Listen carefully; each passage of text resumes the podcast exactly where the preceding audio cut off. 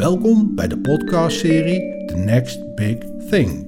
Een interdisciplinaire reeks waarin prominente wetenschappers een inkijkje geven in de toekomst van de wetenschap. In deze aflevering Marcel Levy, hoogleraar geneeskunde aan de Universiteit van Amsterdam, het Academisch Medisch Centrum. Daarnaast is hij voorzitter van de Nederlandse Organisatie voor Wetenschappelijk Onderzoek. Nou, dank voor de, de uitnodiging. Heel leuk om iets te mogen zeggen over ja, ehm, wat er momenteel gebeurt in de geneeskunde en wat er de komende tijd gaat gebeuren in de geneeskunde. Ik zei net zelf al, ik, ik, ik ben natuurlijk van huis uit een dokter, maar ik doe een heleboel dingen erbij. Maar ik ben eventjes met petje van dokter op wel echt gebiologeerd over wat er nu allemaal op dit moment in de geneeskunde gebeurt. En nu dan bedoel ik ook echt van de afgelopen jaren. Een heleboel ziekten die heel veel voorkomen, die een jaartje of tien geleden nog nauwelijks goed te behandelen waren, die zijn nu vaak op niet al te ingewikkelde wijze echt bijna volledig te genezen. Um, ehm, 1% van de bevolking heeft reuma, heel nare ziekte, heel veel pijn, gewrichten die kapot gaan, rolstoelen. Ga zo maar verder, bestaat niet meer. Het is gewoon weg met de nieuwe medicijnen die tegen reuma zijn. Dus een reumatoloog ziet nooit meer een rolstoel. En als het gaat om hepatitis C, wat je tegenwoordig ook met een pilletje drie maanden lang bijna volledig kan genezen. Of of het nou gaat om kanker of HIV, het gaat eigenlijk op alle vlakken steeds beter. En ik vind het fascinerend, want ik heb natuurlijk heel veel mensen gezien die leden aan deze ziekte. En ik zie nu ook wat je tegenwoordig wel kunt bereiken. En nou ja, als je dat een beetje in droge statistiekjes wilt vertalen, dan zie je ook dat die plaatjes best indrukwekkend zijn. Het is sterfte aan hart- en vaatziekten van 1970 tot ongeveer nu. En dat is meer dan gehalveerd. Uh, uh, niet alleen ziektelast, maar ook gewoon overlijden aan. En toen ik mijn opleiding deed hier in Amsterdam, een jaartje of twintig geleden moest ik ook een half jaar tot een jaar cardiologie doen. En als dan iemand werd opgenomen met een hartinfarct, dan had hij een flinke kans, tegen de 20, 25 procent, dat hij een paar maanden later overleden was. Tegenwoordig is dat kleiner dan een half procent. Dus het lukt je gewoon niet meer om aan een hartinfarct te overlijden. De cardioloog laat het gewoon niet, niet gebeuren. Het betekent niet dat alle problemen daarna weg zijn, maar het is wel indrukwekkend. En met kanker is het eventjes wat langzamer gaan, maar zie je nu ook enorme vooruitgang. Dus de paarse balkjes zie je dat dat ook eigenlijk uh, in alle ziektes beter gaat. Sommige zelfs heel goed, bijna 100% genezing. Bijvoorbeeld bij testiskanker bij jonge mannen. En sommige nog heel veel werk te doen. Hè. Bijvoorbeeld met uh, slokdarmkanker of hersentumoren gaat het nog helemaal niet zo goed. Maar wel beter dan het ging. Dus dat is heel indrukwekkend. En voor het eerst in de geschiedenis van de mensheid leven mensen ook langer door betere geneeskunde. Dus mensen leven al heel veel tijd, heel lange tijd langer. Maar is meestal vanwege betere sociale omstandigheden of, of hygiëne. Maar nu leven ze langer door betere geneeskunde. En demografen die schatten dat de baby die dit jaar geboren wordt, volgend jaar, dat die 50% kans heeft om een leeftijd van 100 jaar te bereiken. Dus dat is wel heel erg interessant. En dan doen we eigenlijk nog helemaal niks aan preventie, waarbij we dat waarschijnlijk nog ietsje verder kunnen, kunnen oprekken. Maar er is altijd nog ruimte voor verbetering. En um, ja, toen een jaartje of uh, 25 geleden um, langzaam maar zeker het menselijke DNA ontcijferd was, toen dacht iedereen van ja, nu weten we eigenlijk, nu staan we aan de grens van alles weten, alles snappen, alles beter kunnen maken. En uh, dat waren niet alleen heel optimistisch optimistische wetenschappers. Maar niet de minste mensen die, uh, die zeiden dat gewoon. En die gingen daar geld voor beschikbaar stellen. En, uh, of ze kwamen op tv en ze vertelden dat alle kanker binnen korte tijd genezen zou kunnen worden. Nou, is toch een heel klein beetje anders gelopen. Want die belofte dat met het ontcijferen van het DNA dat we hele precieze geneeskunde zouden kunnen doen. Wat er eigenlijk uit bestaat dat je, dat je precies weet waar ziekte door wordt veroorzaakt. Dat je dan ook precies daar een behandeling op kan targeten. Dat je bijvoorbeeld, omdat je iemands genetische achtergrond weet, ook precies weet welk medicijn je wel en welk medicijn je niet voor moet schrijven. Wat effectief zal zijn, wat bijwerkingen geeft of niet. Ja, dat, dat zou er allemaal uit volgen. En misschien zouden we zelfs in staat zijn om al die genen op een gegeven moment te manipuleren. Om mensen van ziekte te genezen. Nou, het eerste dingetje is natuurlijk wel gelukt. Hè? We weten nu bij een heleboel ziekten vrij precies wat er mis is in de genetische achtergrond. Bijvoorbeeld leukemie is een ziekte waarbij de bloedcellen ontspoord zijn en eigenlijk bloedcelkanker veroorzaken. Ehm, en dat komt omdat in zo'n cel niet een aangeboren, maar een verworven mutatie heeft plaatsgevonden. Niet één, maar een heleboel achter elkaar. En we weten precies bij al die verschillende vormen van leukemie wat die verschillende mutaties zijn. Dus wie weet dat die belofte dan misschien uiteindelijk toch uit zou komen. Maar je ziet, deze publicatie is al van flink veel jaren geleden. Het heeft eigenlijk nog helemaal geen therapie opgeleverd. En het is zelfs nog ietsje erger. Ik ga drie voorbeelden noemen uit mijn eigen vakgebied. Ik doe bloedziekten. Um, uh, het eerste is een, een, een, een, enkele chromosoomafwijking die leidt, ook opnieuw een verworven mutatie, die leidt tot een chronische vorm van leukemie. De tweede is een mutatie in een stollingsfactor die ertoe leidt dat het bloed meer gaat klonteren, meer gaat stollen, dus leidt tot trombose. En de derde is een mutatie in het hemoglobinegen, hè, dat is het eiwit wat in je rode bloedcellen zit en wat sikkelcelziekte veroorzaakt, waardoor mensen ernstige bloedarmoede hebben en heftige pijnaanvallen. Dat zijn allemaal ziektes die door één enkele mutatie wordt, wordt veroorzaakt, die bij iedereen hetzelfde is. Dus eigenlijk vrij eenvoudige ziektemodellen. Maar dat Philadelphia-chromosoom, dat is al in 1960 ontdekt. En dat is eigenlijk de enige vorm waarbij we nu dan sinds 2001, dus 41 jaar later, een geneesmiddel hebben wat redelijk specifiek aangrijpt op die mutatie of op het verkeerde eiwit wat door die mutatie wordt gemaakt. Maar factor 5 leidermutatie, dus die stollingsfactor die afwijkend is, die kennen we al meer dan 25 jaar en we hebben geen idee wat we daarmee moeten. Daar is niks voor. We snappen eigenlijk ook niet precies hoe je ermee om moet gaan. En we weten niet hoe dat de behandeling beïnvloedt. En sikkelcelziekte, een van de meest voorkomende ziektes op de wereldbol, hebben we al 50 jaar onder ons. We weten precies wat de moleculaire afwijking is, maar de patiënten worden bijna alleen nog maar met water en morfine behandeld. Dus dit geeft al een heel klein beetje aan dat zelfs voor deze hele eenvoudige ziektes het snappen van de DNA-achtergrond van ziektes helemaal niet op zichzelf genoeg is om het beter te maken voor mensen. En de meeste ziektes zijn geen hele eenvoudige ziekten, maar zijn hele ingewikkelde ziekten waarbij er een heleboel mutaties of een heleboel genetische veranderingen zijn opgetreden. Ja, en als het voor één zo'n mutatie al heel erg lastig is, laat staan voor een heleboel mutaties. En om het nog iets ingewikkelder te maken, als je een kankercel kijkt, dan is het best wel irritant dat één cel verder de mutaties al heel anders zijn dan wat je misschien net op dat moment bij die patiënt hebt gebiopteerd. Dus er is ook nog een heel groot verschil in moleculaire afwijkingen binnen één en dezelfde kanker, binnen één en dezelfde patiënt. Ja, hoe ga je daar nou een goede therapie voor verzinnen? Um, dus dat valt eigenlijk best wel tegen.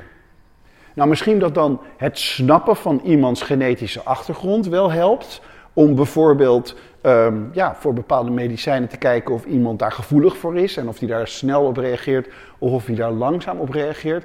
Maar ook daar valt het een heel klein beetje tegen. Dat zal ik toelichten ook weer aan een bloedonderwerpje. Als je een hartritmestoornis hebt waarbij een deel van je hart niet heel goed ritmisch samentrekt, dan kan daar een stolseltje in ontstaan en dat kan naar je hoofd schieten. Dat is een van de meest voorkomende oorzaken van een beroerte.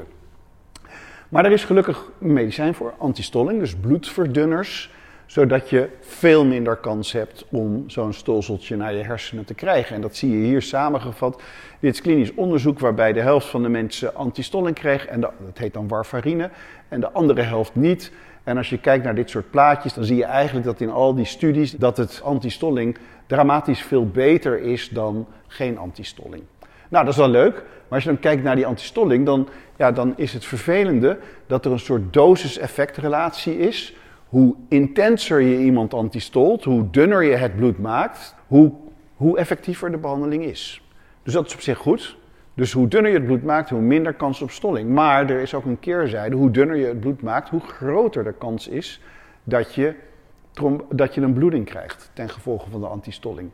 En dat window waarbij je precies goed zit, een lage kans op trombose, maar ook een lage kans op, op, op bloeding, dat is heel smal. Dus je moet voortdurend bij al die mensen controleren of ze wel goed zitten en de dosis aanpassen. Maar als je misschien de genetische achtergrond van mensen weet, dan zou het zo kunnen zijn dat je dat, op een stuk, dat, je dat een stuk makkelijker kan doen. Dat is in een aantal studies onderzocht. Dat een voorbeeld is hier. Nou, je hoeft niet echt superveel van statistiek te weten om te zien dat er eigenlijk helemaal geen verschil is tussen het wel of niet weten van iemands genetische achtergrond. Het gaat net zo goed of net zo slecht. Dus als ik alles nou even op een rijtje zet en kijk wat heeft precisie op basis van het weten van de DNA-volgorde ons nou geleerd, is ja, wel veel inzicht welke moleculaire mechanismen ten grondslag liggen aan ziekte, Maar nee, heel weinig nieuwe therapie. En ook niet meer kennis welk geneesmiddel bij welke mensen nou beter gaan helpen. Ja, en misschien dat gentherapie of manipulatie van genexpressie wel een belofte is voor de komende tijd. En daar kom ik later op terug. Dus dit is eigenlijk een beetje de previous big thing. Eigenlijk een beetje, beetje leuk, veelbelovend, maar het is het toch nog net niet geworden. Nou, als het dan niet van DNA moet komen, misschien dat we dan toch precisie kunnen ontlenen aan big data. En dat is natuurlijk ook wel een interessant onderwerp, want big data is natuurlijk buitengewoon in de belangstelling met alle computerpower die we tegenwoordig tot onze beschikking hebben en ook de databestanden die ook steeds makkelijker aan elkaar gekoppeld kunnen worden. Dus dat zou voor de geneeskunde natuurlijk ook iets kunnen betekenen. En de heilige graal is dan medical decision making. Dus je tikt gewoon in een computer een aantal klachten en dan vertelt de computer wat je hebt, een diagnose. Dus dat zou fantastisch zijn. En waarom zou dat dan niet gewoon de toekomst zijn? Er zijn ook al die dokters niet meer nodig. Dat maakt het misschien nog een stukje goedkoper ook. Dus een heleboel mensen vragen zich af, ja, gaat die dokter uiteindelijk vervangen worden door een chip?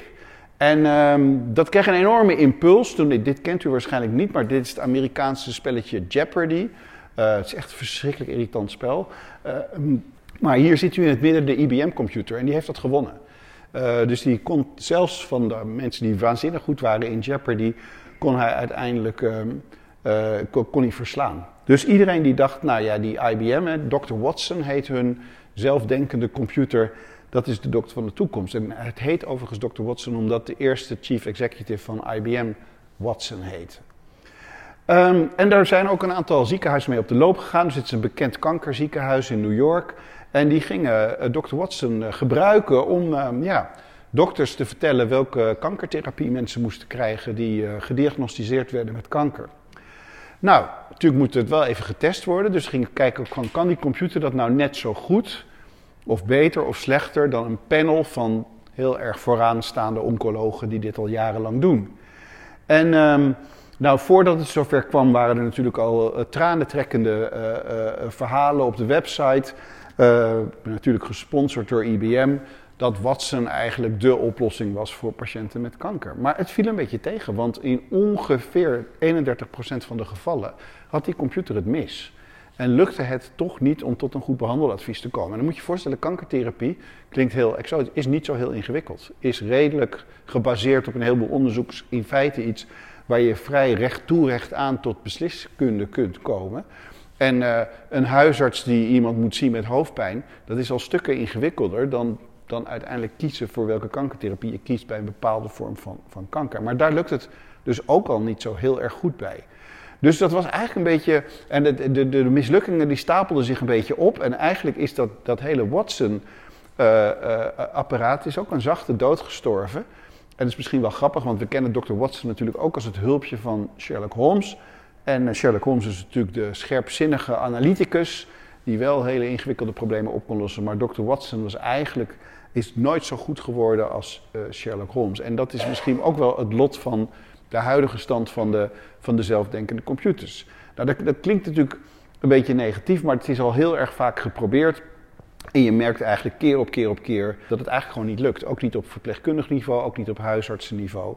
Um, en dat kennelijk toch de manier waarop mensen hun klachten presenteren en de, en de manier waarop de dokter dan uiteindelijk tot een diagnose komt, net iets te ingewikkeld is, dat het gewoon niet zo heel erg goed, uh, goed werkte.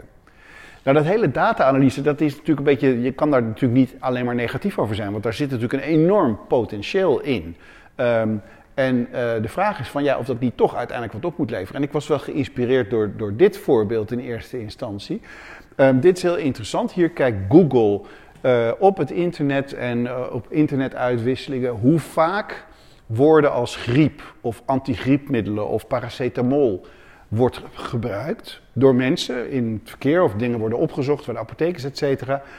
Um, en dat matchte best heel erg precies met griepgolven, zoals het Center of Disease Control in de Verenigde Staten dat kon vaststellen. Dus dit ziet er best wel heel goed uit. Um, maar toch is er een, een, een, relativering die ik erbij moet maken, want na 2013 werkt het niet meer. En um, uh, is er één keer door Google een enorme griepgolf voorspeld die er niet was. En een tweede keer heeft Google uh, flu trends, een, een, hele heftige influenza-trend uh, gemist. En mensen vragen zich af, waarom werkt het niet meer? Waarom werkte het eerst wel en nu niet meer. En dat weet niemand precies volgens mij. Maar het is wel interessant. Ehm, er is wel een interessante theorie. En uh, dat kan ik ook hier aan demonstreren. Dit is uh, Oprah's uh, boekclub. En toen zij in haar boekclub het nieuwe boek van Gabriel Marquez um, besprak, Love in the Time of Cholera, dacht Google Trends dat er een cholera-epidemie in de Verenigde Staten was uitgebroken. Want iedereen ging erover elkaar e-mailen en, en opzoeken op internet, et cetera. Dus dat betekent dat dat internet, dat is zo'n enorme bak rotzooi geworden, waarin zoveel ruis is gekomen dat het signaal er bijna niet meer uit te filteren is. En dat is misschien wel waar voor een heleboel data-analyse in de geneeskunde althans, onze dossiers en de manier waarop we informatie opslaan en verzamelen en klassificeren is, is zo rommelig dat het buitengewoon lastig is om daar eenduidige ja, en bruikbare gegevens uit te krijgen. Het is een beetje garbage in is garbage out. Um, dus ik denk dat we daar nog een enorme weg te gaan hebben voor je uiteindelijk in staat zal zijn om met wat betere gecureerde data uiteindelijk toch wat, tot wat meer betekenisvolle oplossingen te komen. Maar het is niet alleen maar doom en gloom, want er zijn wel op andere vlakken enorme ontwikkelingen. En dit is uh, Piers Keen. Hij werkte in het Oogziekenhuis, een van de ziekenhuizen in Londen waar ik, uh, um, waar ik ook werkte. Um, en uh, hij kijkt hier naar een plaatje van een retina-scan, van een, van een um, uh, netvlies-scan. Dus mensen met diabetes of hoge bloeddruk, die kunnen oogproblemen krijgen. En je kan een fotootje maken van iemands netvlies.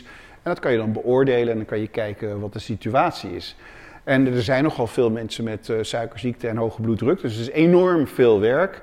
En uh, Piers Keen is expert op dat gebied en die dacht, ja, zo ingewikkeld is het beoordelen van zo'n fotootje eigenlijk niet. Waarom zouden we dat niet met machine learning kunnen doen? Dus hij heeft dat tot een kunst verheven en hij heeft een geweldig algoritme ontwikkeld waarbij je eigenlijk um, net zo goed als de meest ervaren oogarts um, uh, uh, machines hebt die uh, retina-scans kunnen lezen. En dat heeft hij ook heel netjes gedocumenteerd. En in zijn laatste versie is zelfs de machine nog ietsje beter dan, dan een panel, panel oogartsen geworden. Dus dat is wel interessant. Maar dat is dan, oké, dat zijn dan oogscans. Is misschien een beetje een niche in de geneeskunde. Maar ik weet niet of u weet hoe radiotherapie werkt. Maar dat is bestralen van tumoren. Dat is het, de, bestraling op zichzelf is vrij eenvoudig. Maar het plannen van die bestraling, van waar moet de stralenbundel vandaan komen en hoe moeten we die mikken. Want is vrij precies werk. Want je wil natuurlijk precies op die tumor zitten. Maar je wil zoveel mogelijk omliggend weefsel. En zeker bepaalde gevoelige structuren wil je zoveel mogelijk vermijden. En dat is een enorme puzzel die radiotherapeuten voor elke patiënt weer op basis van scans en de kennis van anatomie moeten maken. Maar dat is misschien ook wel iets wat de computer eigenlijk veel beter kan. Want die gooit er gewoon een paar miljoen mogelijkheden tegenaan en die kijkt gewoon wat de beste is. Um, dus daar zit heel weinig intuïtie bij, maar daar zit gewoon heel veel patroonherkenning uh, uh, bij. En ook daarvoor blijkt dat de computer eigenlijk dat beter kan dan een radiotherapeut. En veel sneller. Want dit is normaal een proces wat uren duurt en een computer kan dit in minuten doen. Dus radiotherapieplanning wordt nu al op redelijke schaal steeds meer overgenomen door uh, machines. En dan zeg ik niet dat we helemaal geen radiotherapeuten meer nodig hebben, maar hun werk wordt wel stukken, stukken makkelijker met de ondersteuning die ze daarbij hebben. En wat dacht u van een, een hartfilmpje, een cardiogram? Dat is natuurlijk een heel eenvoudig iets waarbij je gewoon met uh, een beetje elektriciteit afleidt van het hart. En daar kun je iets zeggen over het ritme en over de grootte van het hart en zelfs over of er zuurstoftekort is. En je kunt het ook lokaliseren. Maar het is natuurlijk allemaal gewoon analyse van, van lijntjes in hokjes. Um, en er zijn nu al heel erg goede uh, uh, machines die dat eigenlijk net zo goed kunnen als een ervaren cardioloog of internist. Um, dus daar zijn wel hele grote stappen voorwaarts uh, die er gemaakt worden. En met het beoordelen van weefsel eigenlijk precies hetzelfde. Dit is zelfs iets ingewikkelder, lymfklierbeoordeling. En zeker als er niet al te grote afwijkingen zijn, dan is de, is de computer daar eigenlijk uh, beter in, sneller in en preciezer in dan een patholoog of een analist die dit moet beoordelen. En zeker voor screeningsprogramma's, waarbij de kans toch het grootste is dat er geen afwijking is, wordt dit nu ook al heel klein, uh, uh, steeds meer op grotere schaal toegepast.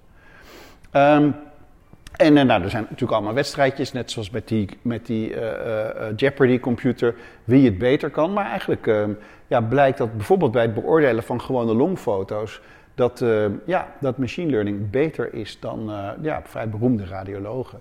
En het is ook wel interessant om, om na te gaan waarom dat zo is. Hè? Want dat ze even goed zijn, dat zouden we kunnen snappen. Maar waarom zouden ze beter zijn? Nou, dat kan ik misschien wel demonstreren aan dit voorbeeld. Dit is een longfoto. Dan realiseer ik me dat u geen arts bent. Wat echt afwijkend is op deze foto, is dat deze patiënt een gebroken arm heeft.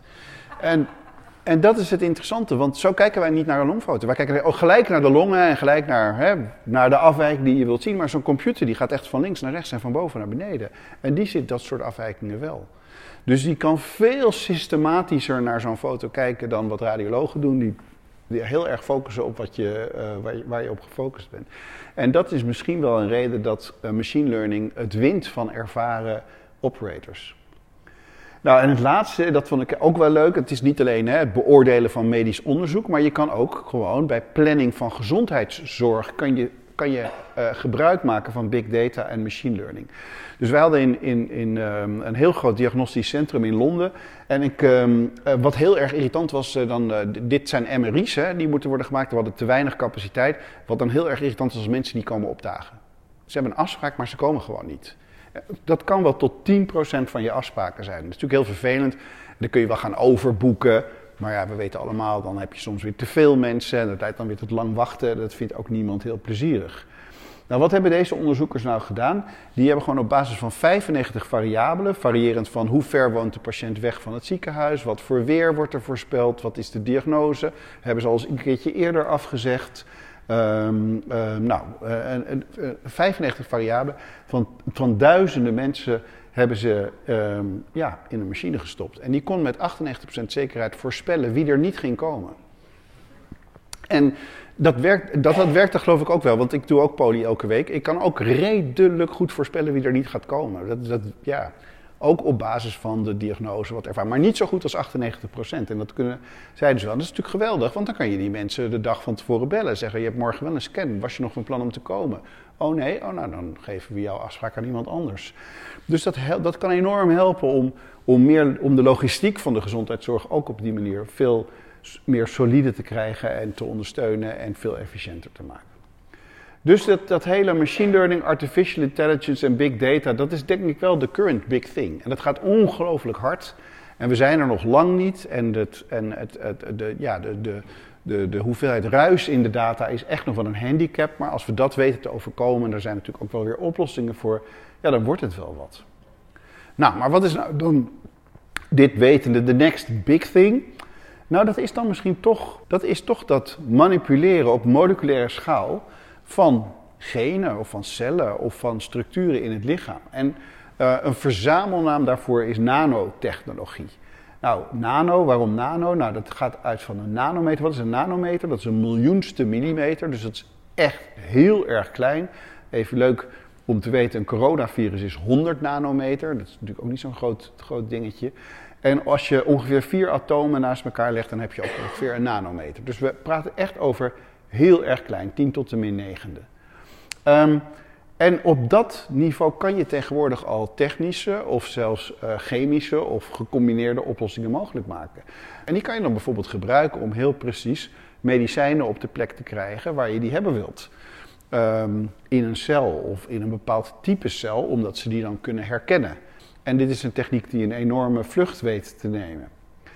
En um, uh, hetzelfde is, uh, kun je ongeveer doen op dat, uh, op dat niveau. Bijvoorbeeld mensen met traumatische hersenschade. Ze hebben een ongeluk gehad, die hebben hersenschade. Het brein is heel slecht in staat om te regenereren. Maar als je heel lokaal toch met hulp van nanopartikels die neuronale verbindingen weer weet te, te leggen of kan stimuleren dat, dat die weer worden gelegd, dan heeft het een, een dramatisch effect op functie. Allemaal nog dierexperimenteel onderzoek, nog niet in mensen uitgeprobeerd. Maar toch interessant genoeg om een belofte voor de toekomst te, te zijn. Nou, en dan gentherapie. Wat is eigenlijk gentherapie? Daar wordt heel veel over gezegd en over gepraat. Nou, gentherapie is eigenlijk heel simpel. Normaal als we iemand willen behandelen met een medicijn, dan, dan dienen we een chemische verbinding toe die iets doet op een eiwit of op een enzym of op een cel.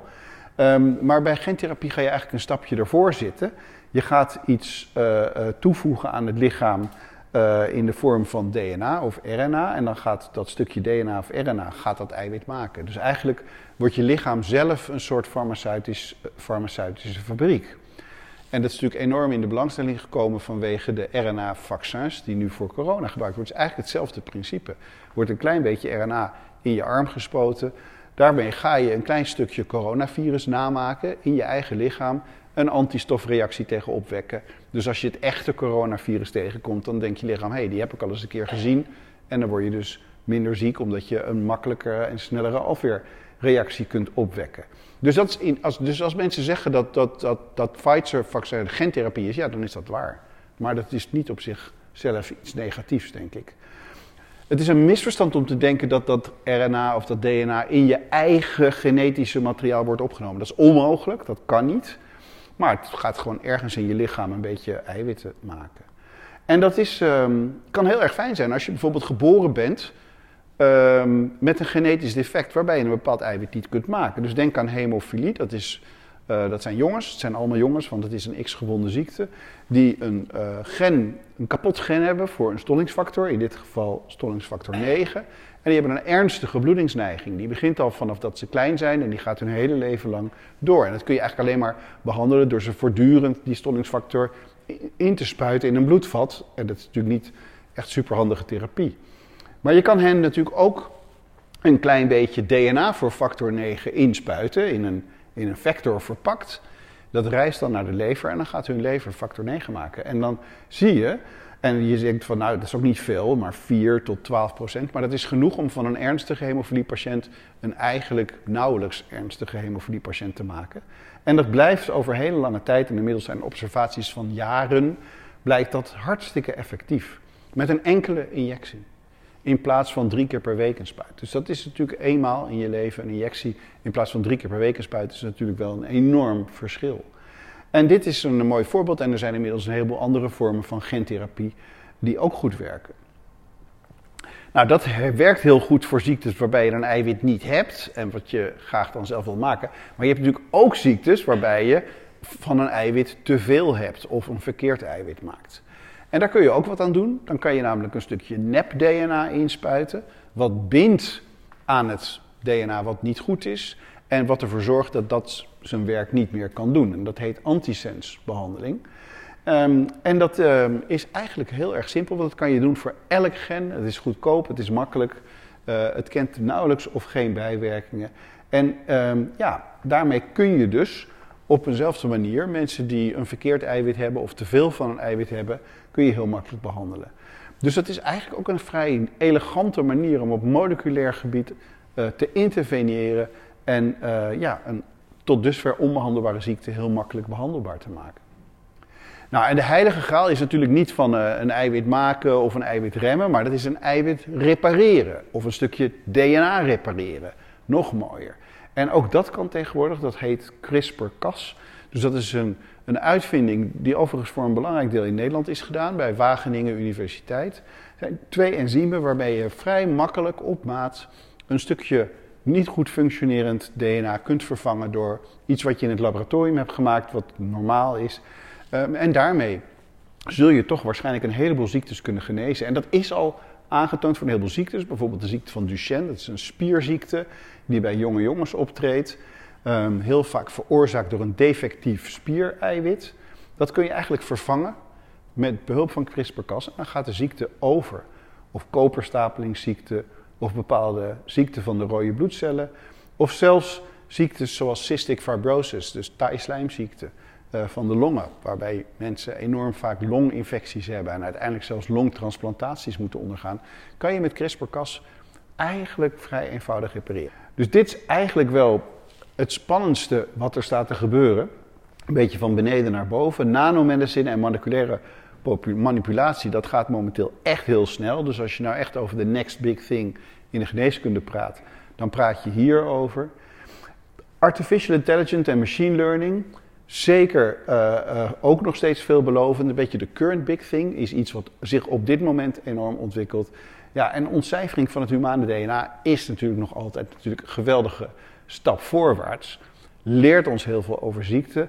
Maar ik denk dat het een beetje een overstatement is geweest om te denken dat dat nou personalized medicine uh, op dit moment mogelijk heeft gemaakt. Dus daar valt nog heel veel werk te verzetten. Dank u voor de aandacht.